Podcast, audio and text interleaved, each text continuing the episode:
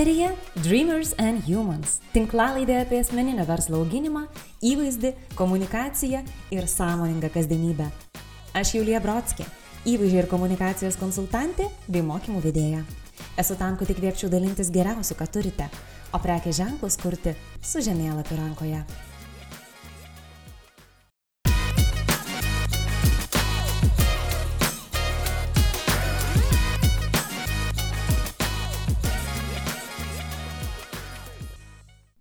Sveiki! Dėkoju, kad klausotės šios tinklalaidės. Labai tikiuosi, kad nesigirdės klaipėdėtiško vėjo, kuris siaučia jau kilintą dieną. O šiandien kalbėsime jautria, ne pačia maloniausia tema - komentarai mūsų atžvilgių socialinėje erdvėje. Beruoždama šią laidą iš karto mačiau, kad patarimai ir išvalgos bus vertingi ne tik tai veikiantiems virtualioje erdvėje, bet ir realybėje. Taigi pradėkime. Be jokios abejonės kiekvieno iš mūsų patirtis yra absoliučiai skirtinga. Tačiau vis tiek yra tam tikros tendencijos. Kuo aktyviau dirbame, kuriame verslus, rodome socialiniuose tinkluose, tuo daugiau esame matomi, pastebimi, atpažįstami. Na ir neišvengiamai patraukiame tuos, kurie linkia kritikuoti arba skleisti neapykantą. Tie, kurie su tuo dar nesusidūrėte, o linkiu žinoma ir nesusidurti, Tačiau visgi priimkite tai kaip galimybę pasiruošti, nusiteikti. Greičiausiai tik tai laiko klausimas, kai kam nors užkliūsite. Iš asmeninės patirties turiu pasidžiaugti, kad dauguma sekėjų, žmonių, komentatorių yra tikrai nuostabiai šilti, malonūs, palaikantis žmonės, apdovanojantis ar gražiais žodžiais, atsiliepimais ir palinkėjimais. Tačiau esu sulaukus ir tokių komentarų, teigiančių, kad Pavyzdžiui, tai ką aš rašau, sakau ir teigiu, yra savaime suprantama ir nereikia čia aiškinti kaip mažiems vaikams. Arba žmonės nei iš jo, nei iš to ima siūlyti savo coachingo paslaugas, padėti pakeisti gyvenimą, nes jų nuomonė aš gyvenu ne taip, kaip turėčiau.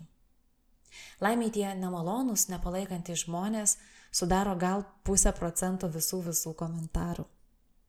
Na ir visgi, Ką darome, kai randame vieną kitą neapykantos žinutę savo socialiniuose tinkluose? Visų pirma, prieš atsiverčiant socialinius tinklus, kvieščiau pakalbėti apie tai, kas fundamentaliai galėtų suteikti mums psichologinę apsaugą ir pastiprinti taip vadinamąjį vidinį stuburą.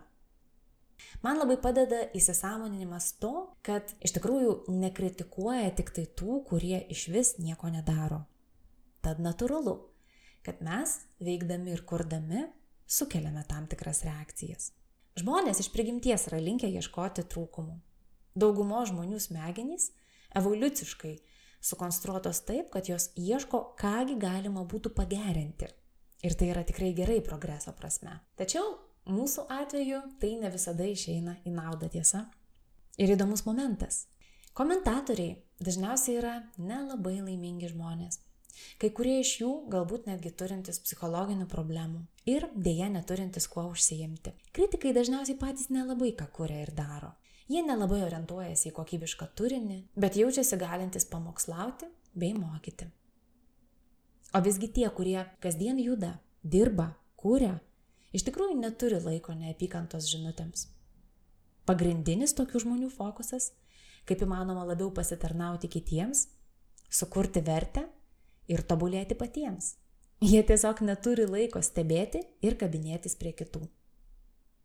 Taigi, man labai iš tikrųjų padeda toks nusiteikimas ir suvokimas, kad na gerai, jeigu jau gavau kažkokį tai nelabai malonų komentarą ir panašiai, dažniausiai tai yra signalas ir kažkoks ženklas apie būtent komentuojantį žmogų, apie jo galbūt, galbūt esantį nelaimingumą, neišsipildymą šitame gyvenime arba kitas problemas. Todėl labai svarbus žingsnis, stiprinant tą vidinį stuburą, yra padirbėti su savo vidinėmis nuostatomis. Tai yra mokytis nepriimti replikų ir komentarų asmeniškai. Prisiminkime, tai, ką žmonės galvoja apie mus, nieko bendro neturi su tuo, kas mes esame. Kitų mintys yra kitų realybė, o ne mūsų.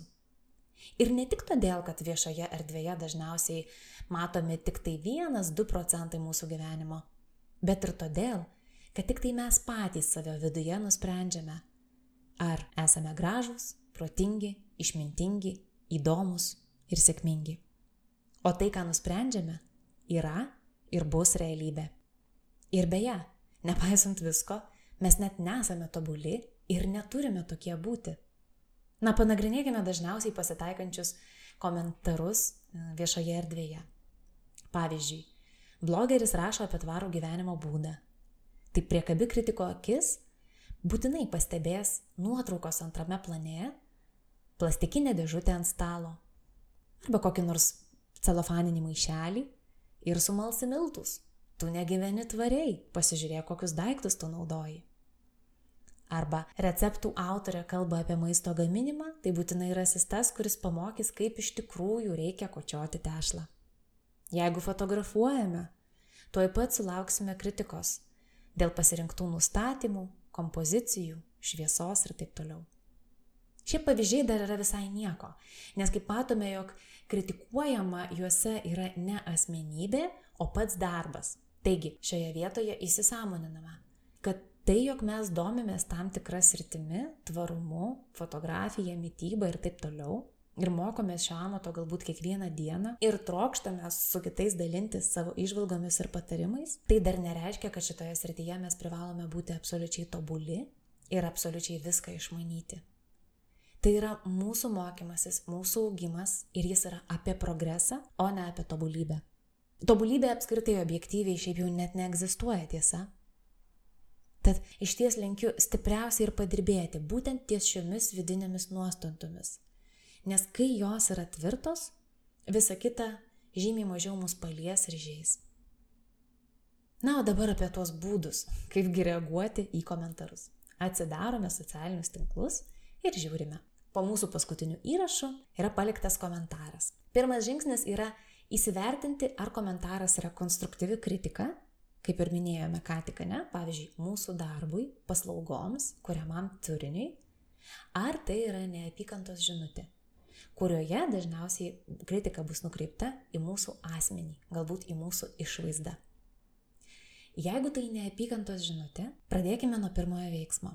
Net jeigu mes labai labai stipriai pasitikime savimi, ir dažniausiai komentarai mūsų nežaidžia, vis tiek galime pagauti save, jog užplūsta pyktis, susierzinimas, liudesys, skausmas arba neviltis. Kviečiu labai labai sąmoningai įsivardinti emociją ir jeigu reikia, pasipasakoti apie tai, kas nutiko kitam žmogui.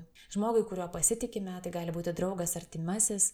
Ir šioje vietoje, kadangi tas kitas žmogus greičiausiai na, nebus paliestas emociškai, taigi į situaciją reaguos ramiau, priims ją kaip faktą. Vadinasi, paguos ir nuramins. Ir primins mums, kaip iš tikrųjų yra. Svarbiausia - užplūdus emocijai neskubėti reaguoti, nerašyti nieko atgal ant karštųjų, nes vėliau galim gailėtis. Tad pradžiai kalbam su kitais ir laukiame, kol ataušime. Būdami susijaudinę ir įsižeidę, nes tikrai netyčia galime patys prirašyti piktų ir nemandagių replikų, na ir kasgi nutiks, mes tiesiog atsakysime tuo pačiu, ne, piktais komentarais. Nesiginkime ir neįrodinėkime, kad komentatorius neteisus. Taip tik tai dar labiau pakurstysime diskusiją ir galbūt skatinsime ne pačią maloniausią atmosferą savo puslapyje. Mums juk to tikrai nereikia, tiesa? Na gerai, įsivaizduokime, kad emocija taušo. Mes jau jaučiamės ramus, dabar belieka pasirinkti, ką daryti toliau. Variantai. Komentarą ištrinti, blokuoti komentatorių arba iš vis ignoruoti. Priimdami sprendimą galvokime ir apie kitus žmonės, kurie skaito mūsų įrašus. Vardan jaukios ir malonios atmosferos turime teisę šalinti tokias žinutės. Tai palanku ir mums patiems. Perskaičiau, ištryniau, pamiršau, dirbu toliau. O dabar apie konstruktyvę kritiką. Adresuojama mūsų kuriamam turiniui, jo kokybei, prekiams, paslaugoms. Tai gali būti įvairiausiai atsiliepimai, nuomonės.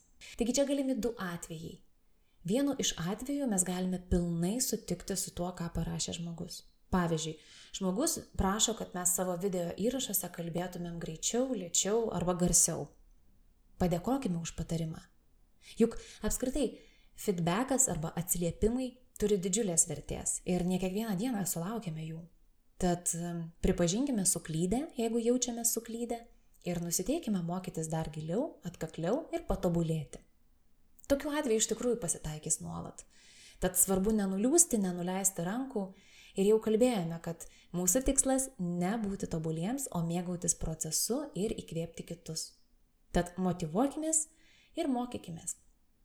O gali nutikti ir taip, kad kritika yra konstruktyvi, tačiau su komentaru dėl kokių nors priežasčių nesutinkame. Na, pavyzdžiui, mums atrodo, kad mes kalbame pakankamai gerų greičių. Tad tiesiog mandagiai padėkojime.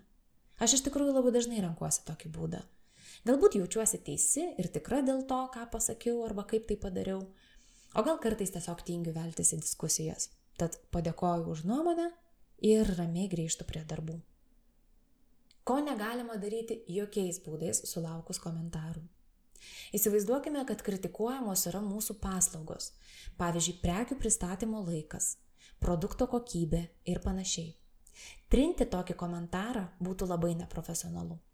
Kaip ir kalbėjome laidoje prieš tai, kurioje apskritai aptarėme, kaip mes turėtumėm reaguoti į komentarus ir kad prekės ženklas visada turi reaguoti į komentarą, taip ir šiuo atveju būtinai atsakykime į visus komentarus. Ypatingai jeigu tai yra komentaras, kuriame yra kritikuojama, atsiprašykime. Galbūt paaiškinkime, kodėl prekės pristatymo laikas buvo ilgesnis arba kodėl jis gavo brokuotą produktą. Turime galimybę perkelti pokalbį ir į asmeninį susirašinėjimą, kuriame kviečiu aptarti su žmogumi ir kompensaciją arba nuolaidą kitam pirkiniui būtinai padėkokime. Galbūt tik tai šito žmogaus dėka mes sužinojome, kad mūsų pasirinkti partneriai, kurjeriai nekokybiškai atlieka darbą. Kritika yra visada nemalonu, bet prekės ženklo profesionalumą lemia ne tik tai tai, kaip jis gerai teikia savo paslaugas, bet ir tai, kaip jisai elgesi suklydęs. Klaidas ištaisęs ir į nuomonės atsižvelgęs prekės ženklas, tiesą sakant, bus dar labiau gerbiamas. Na, dar viešoje erdvėje iš tikrųjų pasitaiko ir tokių komentarų, kurie yra absoliučiai ne į temą. Na, pavyzdžiui, ypatingai Instagrame galbūt pastebite, kad kažkokios netikros paskiros siunčia spamą arba reklamuojasi visokios elektroninės parduotuvės. Manau, kad šitoje vietoje net nereikia sakyti, jog tokius komentarus mes triname be gailėšio. Na, o pabaigai norėčiau žodį tarti ir tiems komentuotojams, trūkumų ieškotojams. Komentuodami ieškodami žmonių trūkumų, skleisdami neapykantą, išeikvojate labai daug energijos. Pagalvokite, ką galėtumėte padaryti su visa ta energija geriems tikslams. Pasirūpinti savimi, sveikata, artimaisiais, užkurti įdomius projektus, atsiduoti mokslams, kūrybai. Galų gale kviečiu sekti tuos, kurie jums tikrai patinka, kurie kelia džiaugsmą, įkvėpimą. Nustokime sekti tuos, kurie verčia mus jaustis blogai. Šiam kartui tiek. Dėkoju, kad klausėte. Kviečiu komentuoti, palikti savo išvalgas, atsiliepimus mano Facebook puslapyje Julija Brodskė dreamersandhumans.lt arba Instagram paskyroje Julija Brodskė. Ypač tuo atveju, jeigu jaučiate, kad kažką galima būtų daryti geriau šitame podcast'e. O kitoje laidoje kalbėsime apie sąmoningus pasirinkimus kardinaliai keičiančius gyvenimo kokybę ir pasitenkinimą. Linkiu būti svajotojais, kurie veikia.